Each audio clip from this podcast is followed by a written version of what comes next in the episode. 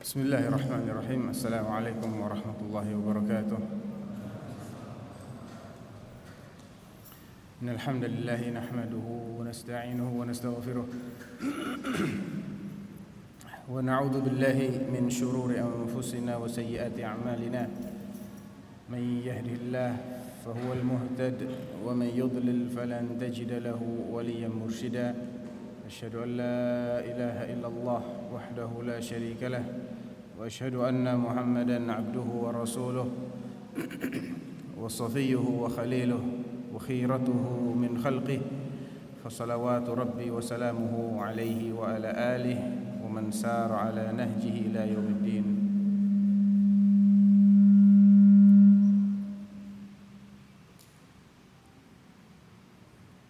أما بعد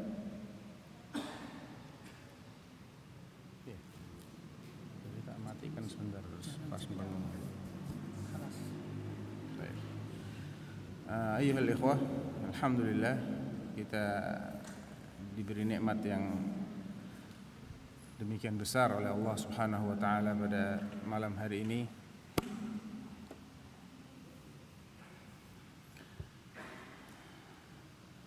Setelah berbulan-bulan lamanya eh, kajian tatap muka seperti ini dengan terpaksa kita tunda mengingat tempat yang tidak memadai. Dan bifadlillah wa minnatihi wa taufiqihi wa taysirihi pada malam hari ini kita bisa kembali mengadakan kajian dengan tentunya tetap berusaha semaksimal mungkin menerapkan protokol kesehatan dengan menjaga jarak dan menggunakan uh, masker. Dan perlu uh, kami umumkan bahwa kajian ini juga disiarkan secara online. Jadi bagi yang ingin menyimak dari rumah atau berhalangan untuk hadir bisa menyimaknya secara online. Eh, sekaligus perlu kami ingatkan bahwa menjaga kekhusyuan dan ketenangan serta kenyamanan ibadah adalah prioritas. Oleh karena itu hendaknya kita mengutamakan bagaimana terciptanya kondisi yang tenang, yang khusyuk, terutama ketika pelaksanaan sholat lima waktu, sehingga kami sangat mengharap selaku pengurus agar bagi yang memiliki balita atau anak-anak yang sulit untuk ditenangkan, kami harap agar sholatnya di rumah, ya demi menjaga kehusukan bersama. Adapun menyimak kajian maka bisa disimak secara online. Taib. Insyaallah pada malam hari ini uh, kajiannya adalah seputar kitab Nawaqidul Islam. Dan kitab ini adalah kitab atau sebetulnya adalah risalah ya, sebuah tulisan yang singkat namun padat dan sangat penting untuk kita fahami. Jangan sampai kita berletih-letih, bersusah payah puluhan tahun beribadah ternyata ibadah kita ini tidak ada nilainya di hadapan Allah Subhanahu wa taala. Kenapa bisa demikian? Karena syarat diterimanya suatu ibadah apa pun bentuknya sebesar apa pun itu adalah harus dilakukan dalam keadaan bertauhid, dalam keadaan beriman kepada Allah Subhanahu wa taala. Sehingga apabila tauhid seseorang itu telah rusak atau bahkan batal karena suatu pembatal, otomatis ibadahnya akan sia-sia, akan batal pula seperti sia-sianya orang yang sudah sholat sekian puluh rokaat namun sebelum salam kentut. Maka sama dengan dia nggak sholat. Ya. Nah ibadah kita itu juga bisa batal sebagaimana toharoh itu bisa batal dengan pembatal-pembatal toharoh. Nah oleh karena itu mengetahui apa saja yang bisa membatalkan keislaman adalah suatu keharusan, keniscayaan. Karena orang yang tidak tahu kalau kentut itu membatalkan wudhu berarti tidak ada jaminan dia sholat dalam keadaan sah wudhunya. Boleh jadi berkali-kali dia melakukan sholat dalam keadaan batal wudhu karena dia nggak tahu bahwasanya wudhu itu bisa batal. Demikian pula orang-orang yang tidak pernah mempelajari apa saja yang bisa membatalkan syahadatnya dia, apa saja yang bisa membatalkan keislamannya dia, alias menjadikan seseorang yang tadinya muslim, mukmin menjadi murtad dan kafir. Kalau orang nggak tahu, maka seluruh amal ibadahnya terancam batal. Itu otomatis. Karena nggak mungkin seseorang bisa menghindari sesuatu kalau dia tidak mengenalnya. Taib.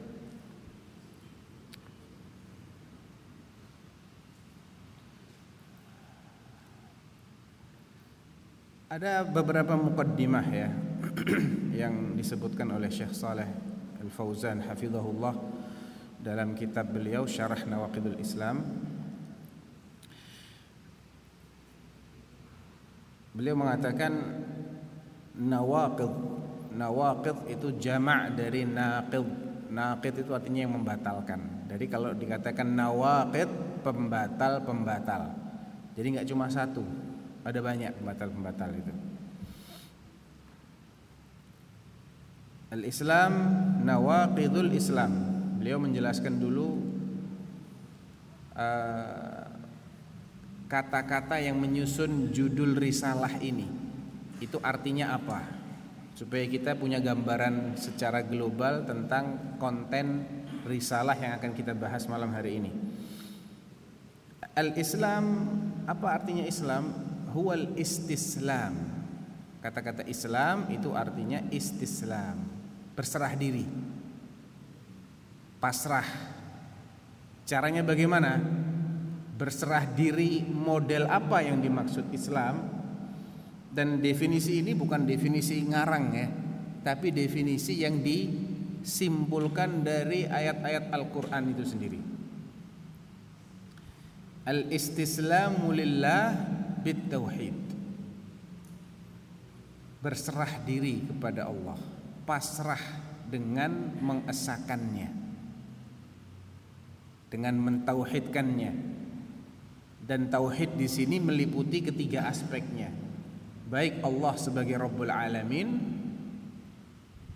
maupun Allah sebagai satu-satunya yang diibadahi Al-Ilahul Haq maupun Allah sebagai yang memiliki Al-Asmaul Husna was Sifatul Ulyah. Allah yang memiliki nama-nama yang indah dan sifat-sifat yang mulia. Jadi kita berserah diri dengan mentauhidkan Allah pada ketiga aspeknya ini. Bukan hanya salah satunya ya. Karena tauhid itu harus tiga-tiganya. Kalau cuma rububiyah saja masih belum sah dianggap sebagai seorang muslim. Sebab orang-orang musyrik pun mengakui rububiyah Allah secara garis besar. Mereka mengakui kalau Allah itu pencipta mereka, penguasa mereka, pemberi rezeki mereka, pengatur segala urusan. Mereka mengakui. Nggak ada selain Allah yang melakukan itu semua. Allah yang menurunkan hujan Allah yang menghidupkan yang mati yang mematikan yang hidup yang mengeluarkan tetumbuhan dari tanah yang kering kerontang Allah yang mengeluarkan sesuatu yang mati dari sesuatu yang hidup dan mengeluarkan sesuatu yang hidup dari sesuatu yang mati mereka mengakui kalau itu adalah semuanya dilakukan oleh Allah taala. Yang mereka ingkari adalah apabila Allah satu-satunya yang berhak diibadahi mereka tidak terima. Atau Allah memiliki nama-nama yang indah dan sifat-sifat yang mulia. Ini juga banyak di antara mereka yang mengingkari Jadi Islam artinya istislam, pasrah kepada Allah dengan mentauhidkan Allah pada ketiga aspeknya. Bukan hanya pasrah, tapi harus ada bukti nyata berupa ketundukan lahiriah wal inqiyadu lahu. Tunduk secara zahir dia harus tunduk kepada Allah. Ikuti aturan Allah. Diperintah ya laksanakan semaksimal mungkin. Dilarang ya jauhi. Kalau masih meninggalkan perintah, dia harus merasa berdosa. Kemudian dia beristighfar, bertaubat. Demikian pula ketika dia melanggar yang dilarang, dia harus merasa berdosa. Dan poin yang ketiga yang menjadi arti yang tidak terpisahkan dari Islam adalah al-bara'ah minasyirki wa ahlih. Bersikap tidak suka membenci memusuhi menjauhkan diri terhadap segala bentuk kemusyrikan maupun pelaku-pelakunya. Ini bagian yang tidak terpisahkan dari makna Islam. Tidak ada Islam tanpa ini. Hakikatnya itu begitu Makanya saking gamblangnya hakikat Islam bagi orang-orang musyrikin Makkah bahwasanya Islam itu punya konsekuensi-konsekuensi yang ke arah sana saking jelasnya itu bagi mereka mereka keberatan menerima Islam. Jadi keberatannya orang-orang musyrik itu karena mereka tahu konsekuensinya ini nggak nggak ringan Abu Talib yang udah puluhan tahun dia membela dakwahnya keponakannya Rasulullah Sallallahu Alaihi Wasallam. Dia rela diboykot, dikucilkan, dikarantina selama tiga tahun di perkampungan Bani Hashim. Diputus pasokan logistiknya. Tidak boleh ada transaksi jual beli kepada Bani Hashim dan Banil Muttalib. Karena mereka ini adalah kaumnya Muhammad. Dan mereka walaupun musyrik mereka membela Muhammad. Jadi mereka ikut diboykot tiga tahun.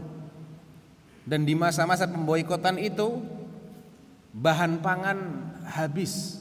Sampai-sampai sahabat Sa'ad bin Abi Waqqas radhiyallahu anhu suatu ketika beliau kencing dan kencingnya itu mengenai sesuatu yang bunyinya bukan tanah.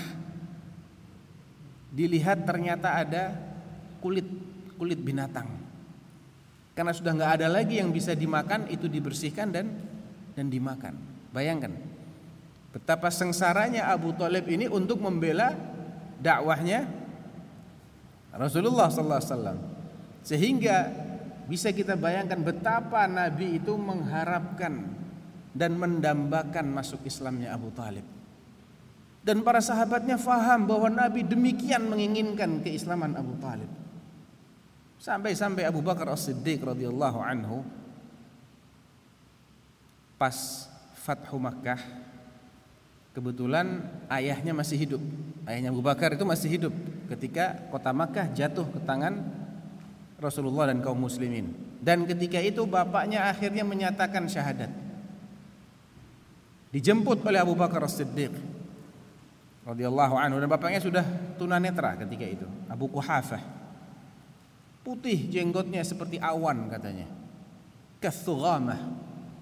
Saking sepuhnya. Dan sudah tunanetra. Jadi di diajak ke hadapan Rasulullah sallallahu alaihi wasallam untuk berbaiat masuk Islam. Ketika berjabat tangan antara Abu Kuhafah dengan Rasulullah sallallahu alaihi wasallam dan terucap dua kalimat syahadat dari lisannya Abu Kuhafa bapaknya Abu Bakar. Apa kata Abu Bakar? Lawadittu anna hadzal yad yad ammika Abu Talib. Aku berharap ya Rasulullah Aku berangan-angan Andai saja tangan yang menjabatmu Sekarang adalah tangannya Ammuk. Ammuk Abu Talib Pamanmu Abu Talib karena aku tahu engkau lebih mengharapkan keislamannya Abu Talib daripada keislamannya bapak aku. Lihat betapa cintanya para sahabat kepada Rasulullah sehingga apa saja yang dicintai oleh Rasulullah mereka cintai. Tapi Allah bertakdir lain. Abu Talib di akhir hayatnya pas, pas dia menjelang mati sebagaimana diriwayatkan oleh Syekhan dalam As-Sahihain dari Al-Musayyib Ibn Hazan. Ya, Al-Musayyib Ibn Hazan itu bapaknya tabi'in terkenal Sa'id Ibn Al-Musayyib. Jadi bapaknya yang meriwayatkan kisah matinya Abu Talib. Lama hadara Abu Talib bin al-wafah ketika Abu Talib ini mau mati datanglah Rasulullah sallallahu alaihi wasallam. Menjenguk berharap barangkali pada kesempatan terakhir ini Abu Talib mau mengucapkan syahadat. Nabi mengatakan ya ammi qul la ilaha illallah. Kalimatan uhajju laka biha indallah. Wahai pamanku, tolonglah ucapkan nyatakan dengan lisanmu. Kamu selama ini sudah membela iya. Kamu selama ini memperjuangkan, mempertaruhkan. Iya. Cuman masih kurang. Kalau belum mengakui secara lisan, belum bisa engkau dianggap sebagai seorang muslim. Ya ammi qul la ilaha illallah. Ucapkan la ilaha illallah. Satu kalimat saja. Dengan itu aku akan membelamu. Uhajju laka biha indallah. Aku akan membelamu di hadapan Allah. Tapi di sampingnya Abu Talib ada dua orang. Yang satu namanya Abu Jahal. Yang satu lagi Abdullah bin Abi Umayyah. Mereka berdua ini mengingatkan Abu Talib terhadap konsekuensi la ilaha illallah. Apa katanya? Atarghabu an Abdul Muttalib? Ya Aba Talib, atarghabu an millati Abdul Muttalib? Apa kau berarti benci dengan ajarannya bapakmu Abdul Muttalib? Padahal Nabi tidak mengajarkan kebencian kan? Apakah Nabi mengatakan, "Ya ammi, ucapkan aku benci ajarannya bapakku"? Enggak. Nabi nyuruh apa? Qul La ilaha illallah. Tapi kenapa Abu, Abu Jahal dan Abdullah bin Abi Umayyah mengatakan, "Eh, kau benci dengan ajaran bapakmu. Kamu nggak suka dengan ajaran bapakmu." Berarti apa ya, ikhwah? Berarti konsekuensi dari la ilaha illallah dia harus membenci ajaran bapaknya, betul? Belum tentu bapaknya muslim apa kafir gitu loh kalau bapaknya kafir iya dia harus benci ajaran bapaknya. Dan kebetulan ini konteksnya bapaknya Abu Talib itu musyrik. Abdul Muttalib itu musyrik. Paganis. Jadi konsekuensi la ilaha illallah dia harus mengingkari menganggap batil memusuhi semua ajaran yang tidak mengajarkan tauhid. Apa pun namanya. Ya, nama tidak merubah hakikat. Hakikatnya tidak mengajarkan tauhid yang benar itu harus dibenci, itu harus dimusuhi, itu harus dianggap batil. Gak boleh dibela, gak boleh dibenarkan. Itu konsekuensi. Dan itu yang menjadikan Abu Talib gak masuk Islam. Ya, dia bingung. Aduh, berat juga ini saya harus benci dengan ajaran bapak saya yang musyrik bingung dia dibilang lagi sama Rasulullah ya ammi la ilaha illallah. Nabi juga gak nyalahkan itu ucapannya Abu Jahal. Memang itu konsekuensinya. Ya memang itu konsekuensinya Nabi gak, gak menyalahkan. Dibilang lagi qul la ilaha illallah. Kalimatan uhajju laka indallah. Mereka berdua juga hanya mengingatkan dengan kata-kata yang sama. Atarghabu millati Abdul Muttalib kamu nggak senang dengan ajaran bapakmu? Bingung lagi Abu Talib. Bolak-balik mereka hanya mengulang-ulang pertanyaan yang sama dan Nabi juga hanya meminta kalimat yang sama. Tapi ternyata Abu Talib lebih memilih untuk setia dengan ajaran bapaknya yang musyrik alias setia dengan agama syirik dan mati tidak mau masuk Islam. Jadi Islam itu salah satu definisinya atau salah satu yang menyusun makna Islam adalah al-bara'ah minasyirki wa ahli. Bara'ah itu artinya adalah kebencian terhadap semua bentuk kemusyrikan maupun pelakunya. Jadi dibenci itu karena dia melakukan sesuatu yang Allah perintahkan seluruh kaum muslimin untuk membencinya. Yang memerintahkan kita untuk membenci itu Allah. Ya. Bukan Syekh Muhammad bin Abdul Wahab, bukan. Allah sendiri menyatakan dalam surat At-Taubah yang nama lainnya apa? Apa nama lain surat At-Taubah? Al-Bara'ah. Surat benci surat kebencian, permusuhan, perlepasan diri. Artinya baroah itu macam-macam, meliputi itu ketidaksukaan, kebencian, permusuhan, perlepasan diri, nggak mau disangkut pautkan, bukan bagian dariku, aku bukan bagian dari mereka. Baroah itu seperti itu. Biasanya diterjemahkan dengan berlepas diri. Cuman kalau orang berlepas diri itu apa? Kadang-kadang orang nggak paham. Berlepas diri itu nggak seneng, benci, musuhan, itu berlepas diri. Nggak mau dianggap bagian dari mereka. Ya itu cakupan dari baroah. Dalam surat al baroah Allah baroatun minallahi wa rasulihi ilal ladzina ahadtum minal musyrikin. Disebutkan kepada siapa Allah menyatakan permusuhan, perlepasan diri dan kebenciannya itu? Kepada kelompok yang kalian sedang terikat perjanjian dengan mereka minal musyrikin. Musyrik itu isim fa'il. Dalam bahasa Arabnya musyrik itu isim fa'il. Artinya nama pelaku. Pelaku apa? Pelaku syirik. Asyraka yusyriku fahuwa musyrikun. Dia berbuat syirik namanya dia orang mus musyrik. Jadi penyebab kebenciannya Allah dan Rasulnya itu karena mereka melakukan perbuatan syirik. Allah nggak nyebutkan ila Quraisy, ila enggak karena Quraisy ada yang muslim, ada yang musyrik. Ila misalnya orang-orang Mekah, enggak karena Mekah ada yang muslim, ada yang kafir. Disebutkan oleh Allah isim fa'ilnya dalam bentuk jamak. Artinya siapa pun yang berbuat syirik itu namanya musyrik. Terlepas dari kebangsaan dia, daerah asal usul dia, nama dia, nasab dia, semuanya.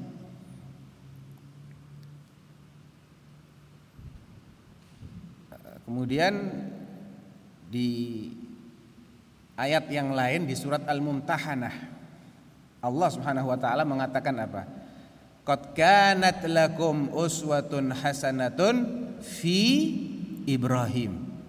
Allah menyebutkan sungguh telah ada uswah hasanah untuk kalian hai orang-orang beriman pada diri Nabiullah Ibrahim walladzina amanu ma'ah dan orang-orang yang bersamanya.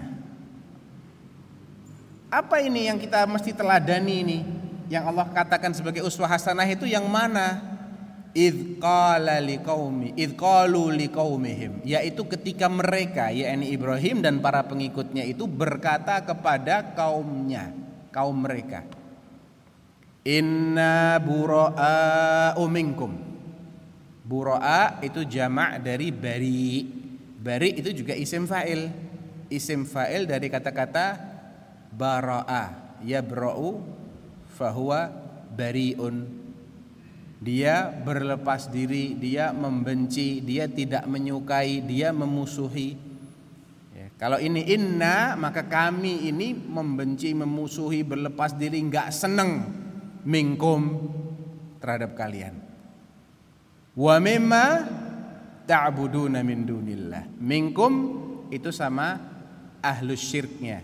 Wa mimma ta'buduna min dunillah dari yang mereka ibadahi yang mereka persekutukan. Yang mereka persekutukan juga dibenci. Ya tentunya kalau layak untuk dibenci karena di antara yang dipersekutukan itu ada yang tidak layak untuk dibenci seperti malaikat, nabi, orang-orang yang saleh. Itu dipersekutukan nggak? Dipersekutukan. Ya, kalau kepada mereka tidak dibenci tapi yang dibenci itu yang yang layak untuk dibenci, syaitan, ya. Dan semisalnya. Inna bura'a'u minkum wa mimma ta'buduna min dunillah. Kafarna bikum. Kami mengingkari menganggap kufur perbuatan kalian itu. Wabada bainana wa bainakum al-adawatu wal baghdha'u abadan. Dan telah nyata permusuhan dan kebencian di antara kita abadan selamanya. Kenapa sih? Kok harus mengajarkan kebencian? bukan mengajarkan kebencian karena memang hakikat dari Islam itu harus dibarengi dengan membenci kekafiran.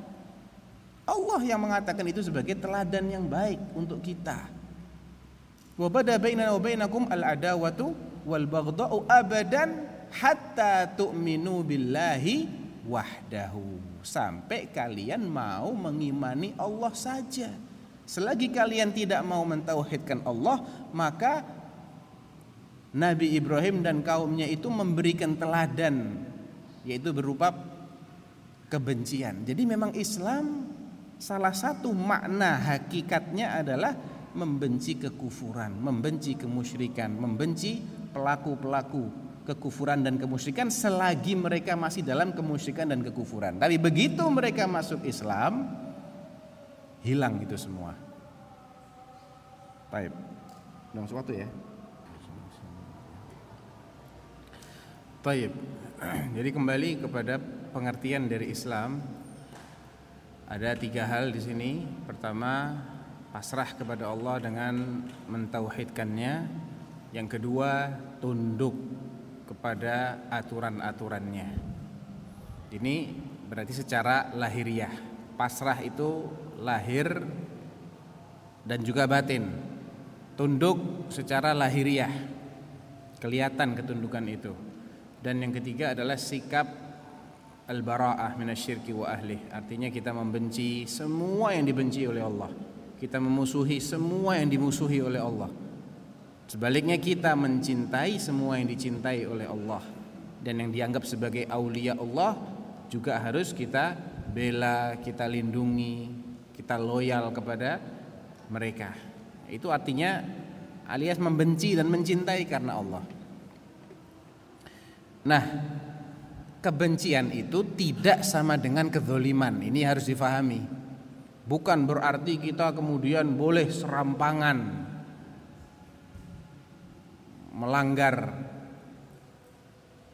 atau memukul seseorang, mengambil harta seseorang atau menumpahkan darah seseorang, tidak. Allah sendiri yang mengharamkan hal itu. Allah mengharamkan perbuatan zalim dari siapa pun terhadap siapa pun. Zalim nggak boleh. Jadi benci itu tidak sama dengan zalim. Disuruh membenci dan juga disuruh berbuat adil kepada orang yang dibenci. La yajrimannakum syana'anu qaumin ala alla ta'dilu. I'dilu huwa aqrabu littaqwa. Jangan sampai kebencianmu kepada suatu kaum mendorongmu untuk tidak berbuat adil. Adil itu lawannya apa? Zalim. Enggak boleh kamu berbuat zalim gara-gara kamu membenci, enggak boleh, haram. Ya, tetap harus berlaku adil. Tapi tidak boleh mencintai kebatilan mereka, kekufuran mereka, kemusyrikan mereka, enggak boleh. Baik. Jadi sebetulnya itu perkara hati, lebih kepada perkara hati. Tidak wajib menyatakan kebencian tidak wajib. Secara lisan tidak wajib. Kalau sekiranya itu menimbulkan madarat, nggak usah dinyatakan. Sebagaimana Nabi juga tidak tidak awalnya tidak mengizinkan Abu Dhar untuk meneriakkan la ilaha illallah ketika masih ada di di Mekah dan kaum muslimin masih minoritas. Tapi Abu Dhar nekat, siap dengan resikonya. Ya sudah, apa boleh buat? dan ternyata memang berakibat kepada babak belur dihajar oleh orang-orang musyrik. Tapi kalau dalam hati wajib ya. Jadi kebencian dalam hati tidak ada uh, tidak ada toleransi untuk tidak tidak memilikinya. Karena kalau nggak ada kebencian kepada kekufuran, ya berarti belum belum masuk Islam. Apa artinya dia mengaku sebagai Muslim kalau dia tidak membenci kekufuran? Nah, itu pengertian dari Islam. Jadi Islam itu bisa batal dan pembatal-pembatalnya lumayan banyak. Tapi yang paling populer, yang paling sering ditemukan itu ada 10 jenis dan itu yang disebutkan dalam risalah ini. Ada yang sifatnya pembatal itu berupa keyakinan tertentu. Ada yang sifatnya ucapan, ada yang sifatnya perbuatan. Sebagaimana iman itu nggak bisa lepas dari yang namanya keyakinan, ucapan dan perbuatan. Maka lawannya kekufuran juga bisa berupa salah satunya. Tidak harus ketemu tiga-tiganya baru dianggap batal, tidak. Terkadang salah satunya ditemukan sudah bisa di dihukumi sebagai pembatal keislaman.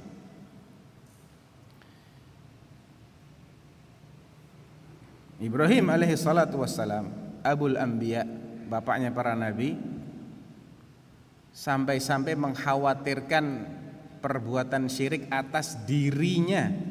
Bayangkan. Padahal beliau yang menghancurkan berhala dengan tangannya sendiri. Beliau mengatakan wajnubni wa baniya an na'budal asnam.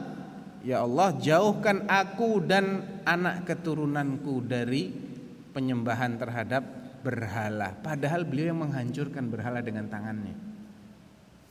Dari ayat ini salah seorang uh, tabi'in atau tabi'it tabi'in yang mana Yahya bin Abi Katsir rahimahullah mengatakan faman ya'manul bala'a ba'da Ibrahim kalau Nabi Ibrahim aja masih takut terjerumus dalam perbuatan syirik siapa yang pantas merasa aman dari terjerumus pada perbuatan syirik setelah Nabi Ibrahim Ya, nggak ada yang pantas merasa aman, merasa tenang. Tenang aja kita nggak nggak akan terjerumus ke dalam perbuatan syirik.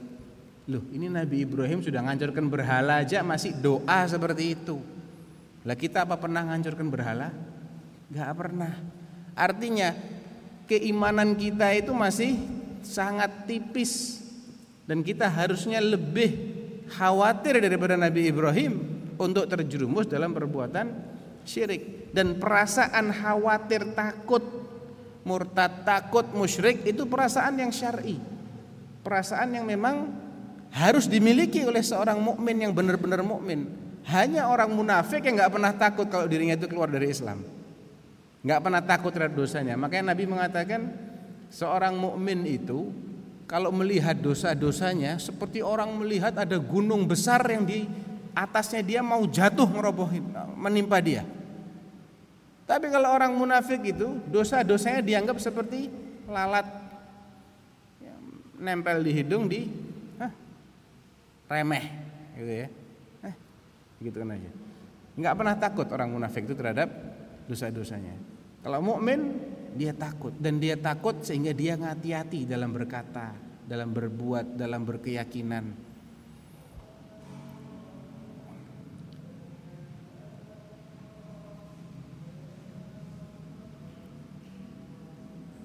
Nah, pembahasan tentang pembatal keislaman itu juga bukan pembahasan baru sebetulnya. Kalau kita lihat kitab-kitab fikih, kitab fikih padahal ya, bukan kitab akidah nih, kitab fikih. Artinya lintas madhab. Mau madhab syafi'i, madhab hambali, madhab hanafi, madhab maliki, madhab zahiri. Ya. Mereka membahas dalam bab namanya ahkamur riddah hukum atau aturan-aturan yang berkaitan dengan kemurtatan seseorang. Artinya seseorang itu memang bisa keluar dari Islam. Jangan punya asumsi kalau sudah masuk Islam tenang, tidak mungkin keluar lagi. Siapa yang bilang? Semua ulama mencantumkan pembahasan namanya hukmul murtad atau ahkamur riddah. Bagaimana seseorang itu yang tadinya muslim dihukumi, difonis keluar dari Islam. Dan mereka mencontohkan bentuk-bentuk kemurtatan itu seperti apa. Salah satunya adalah Al-Imam An-Nawawi. Ya. Panjang kalau kita mau bahas ya. Beliau contohkan sampai macam-macam itu ucapan-ucapan yang bisa menganggap yang bisa mengeluarkan seseorang dari Islam, perbuatan-perbuatan ya, atau keyakinan-keyakinan. Jadi ini bukan pembahasan baru. Ini pembahasan yang sudah klasik dan bahkan sudah ada sejak adanya Islam itu sendiri. Karena dalam Al-Qur'an juga ada orang-orang yang difonis murtad oleh Allah. Ada. Dan istilah murtad itu juga digunakan oleh Al-Qur'an. Di surat Al-Maidah ayat 54. Di surat At-Taubah ayat 60-an itu atau 60 berapa itu ya. Dikata disebut oleh Allah, "May yartadda minkum an dinihi qad kafartum ba'da imanikum." Wa may yartadid an dinihi. Dipakai kalian telah kafir padahal sebelumnya beriman. Barang siapa yang murtad. Jadi aturan-aturan tentang seputar hukum orang murtad itu sudah ada sejak adanya Islam itu sendiri. Sehingga kita wajib mewaspadai ini. Demi keselamatan akidah kita. Demi terjaganya Islam Islam kita. Masih lama komatnya? Hah? 10 menit. Taib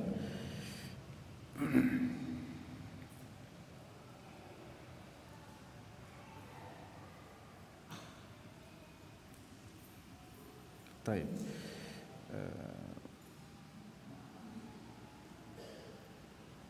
Syekh Al-Fauzan rahimah hafizahullah kemudian menyebutkan bahwa urgensi lain dari pentingnya kita mengenal apa saja yang bisa membatalkan Islam adalah karena memang Islam itu membawa lima tujuan terbesar ya atau dikenal dengan istilah maqasidus syariah maksud-maksud utamanya syariat Islam yang pertama adalah hifdzuddin menjaga din itu sendiri menjaga kemurnian keabsahan Islam itu sendiri. Jadi Islam itu mengajarkan semua hal yang tujuannya menjaga Islamnya kaum muslimin. Dan yang sangat berkaitan dengan ini adalah ya pembahasan kita malam ini. Karena dengan mengetahui apa saja yang bisa membatalkan Islam, kita bisa menjaga keislaman kita sehingga tidak batal. Dan pembahasan ini juga berkaitan dengan maksud Islam yang berikutnya yang kedua, hifdzun nafs. Menjaga keselamatan jiwa. Karena Allah Subhanahu wa taala yang menciptakan manusia, Allah yang paling berkuasa menentukan siapa orang-orang yang darahnya tidak boleh ditumpahkan atau sebaliknya. Iya kan? Allah yang menciptakan kok. Allah yang berkuasa. Dan Allah menyatakan yang terlindung darahnya adalah kaum muslimin. Ya, Allah nggak boleh, Allah larang. Tidak boleh darahnya orang yang muslim itu ditumpahkan selama dia mus muslim. Tapi kalau dia murtad, Allah perintahkan supaya dibunuh kalau nggak mau tobat. Allah yang merintahkan melalui lisan Rasulnya Shallallahu Alaihi wasallam man baddala dinahu faqtuluh. Hadisnya riwayat Bukhari. Siapa yang mengganti dinnya maksudnya dari Islam pindah ke yang lain dan nggak mau taubat faqtuluh. Artinya secara hukum dia tidak lagi terlindungi. Berarti mengetahui apa yang bisa memurtadkan seseorang sangat erat kaitannya dengan menjaga keselamatan jiwa. Ya. Dan juga tujuan yang ketiga di antara maksudnya syariat adalah hifdzul mal, menjaga harta. Sebagaimana jiwa, hartanya orang beriman nggak boleh dilanggar, nggak boleh diambil. tanpa kerelaan hatinya. La yahillu malum muslim illa bitibin nafsi minhu. Tidak halal darah seorang muslim kecuali dengan kerelaannya. Dalam haji wada di hadapan 100 ribu lebih jemaah haji yang notabene adalah sahabat Rasulullah, beliau sallallahu alaihi wasallam mengatakan inna dima'akum wa amwalakum wa a'radakum alaikum haramun ka hurmati yaumikum hadha fi baladikum hadha fi sesungguhnya harta kalian wahai orang beriman eh, darah kalian harta kalian dan kehormatan harga diri nama baik itu terlindungi semua. Nggak boleh dilanggar. Sebagaimana terlindunginya atau sucinya hari ini. Dan itu adalah hari Idul Adha. Dan bulan ini, bulan Dzulhijjah termasuk bulan-bulan haram. Dan negeri ini yaitu Makkah Al-Mukarramah, tanah haram. Jadi sucinya harta, jiwa dan kehormatan seorang muslim seperti sucinya tanah suci Makkah dan bulan suci Dhul Hijjah dan tanggal 10 Dhul Hijjah yang merupakan hari paling agung sepanjang tahun. A'zamul ayyam indallah di sisi Allah. Jadi menjaga hartanya kaum muslimin termasuk salah satu tujuan utama syariat. Terutama kaum muslimin ya, bukan berarti orang kafir itu semuanya boleh dirampok tidak tetapi kaum muslimin jelas harta mereka tidak boleh di, dilanggar. Kemudian hifdzul akal dan juga hifdzul nasl. Maksud yang keempat adalah menjaga akal sehat manusia dan yang kelima menjaga keturunan manusia. Dan kaitannya ini juga uh, erat dengan dua tujuan yang keempat dan kelima. Al-aql Allah Subhanahu wa taala menyifati manusia sebagai makhluk berakal kalau dia tahu fungsinya dia diciptakan, yaitu mengabdikan dirinya kepada Allah. Begitu manusia tidak memfungsikan dirinya, dianggap seperti binatang sama Allah. Ya. Lahum qulubun la ya'qiluna biha walahum a'yunun la yubsiruna biha walahum adhanun la yasma'una biha ulaika kal an'am kayak binatang ya. bahkan dianggap lebih sesat daripada binatang. Jadi orang yang tidak bertauhid itu kata Allah seperti binatang. Percuma dia diciptakan di dunia ini kalau dia nggak bertauhid. Sia-sia jadi manusia. Ya, karena sudah dikasih fasilitas sedemikian rupa nggak dipakai. Kalau binatang tersesat ya memang binatang nggak dikasih akal. Dan ini dikasih akal sama Allah. Dikasih mata dikasih telinga diturunkan kitab suci, diutus nabi. Nabinya meninggal dilanjutkan oleh para ulama, nggak melek juga dia. nggak paham juga dia tujuan dia diciptakan ini untuk apa? Ya percuma jadi manusia. Makanya Allah nggak segan-segan untuk meletakkan manusia ini ke tempat yang paling rendah. Laqad khalaqnal insana fi ahsani taqwim tsumma radadnahu asfala safilin yang nggak nggak akan dikembalikan ke tempat yang paling rendah cuma illalladzina amanu wa amilus salihat. Jadi Islam mengenal pembatal-pembatal Islam juga berkaitan erat dengan bagaimana kita menjaga akal kita dan otomatis berkaitan juga dengan menjaga keturunan. Ya karena kalau sampai diperintahkan untuk dibunuh karena murtad ya kesian dong keturunannya ya kehilangan orang tua atau dia nggak bisa berketurunan karena dia sudah dihalalkan darahnya oleh Allah Subhanahu wa taala. Jadi maka asidus syariah itu semuanya bisa terwujud dari pembahasan ini. Ya, ini supaya kita menyadari betapa pentingnya kita mewaspadai hal-hal yang bisa membatalkan keislaman. Ini sebagai mukaddimah insyaallah pada pertemuan berikutnya kita akan bahas secara lebih detail satu persatu.